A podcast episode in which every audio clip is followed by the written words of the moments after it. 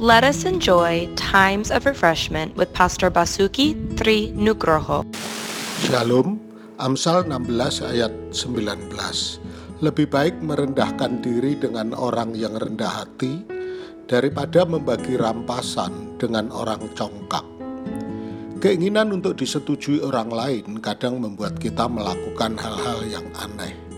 Kita mengenakan pakaian yang modis, baik kita suka atau tidak kita menerima undangan yang sebenarnya ingin kita tolak, dan kita bekerja lebih keras daripada yang kita inginkan untuk mencapai tingkat kesuksesan finansial yang tidak kita butuhkan. Sayangnya, bagaimanapun, kadang-kadang kita memilih untuk mengikuti orang banyak yang mendorong kita untuk melakukan apa yang salah.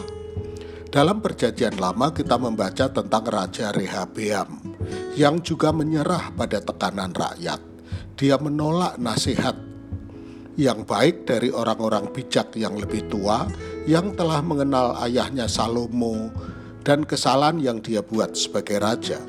Rehabeam lebih mendengarkan nasihat dari rekan-rekannya, penasihat yang lebih muda. Mereka mungkin dimotivasi oleh kesombongan dan keinginan untuk berkuasa dan dia jelas terpengaruh oleh pengaruh mereka. Betapa mahal dia membayar kesalahannya Orang-orang menekan, kita semua dipengaruhi olehnya. Itu membebani kita dari segala arah, tapi kita bisa memilih jalan yang akan kita ambil. Jika kita diombang-ambingkan oleh kebanggaan atau oleh mereka yang mencintai uang, hidup untuk kesenangan, atau merindukan kekuasaan, tekanan orang-orang akan membawa kita ke jalan yang berakhir dengan kehancuran.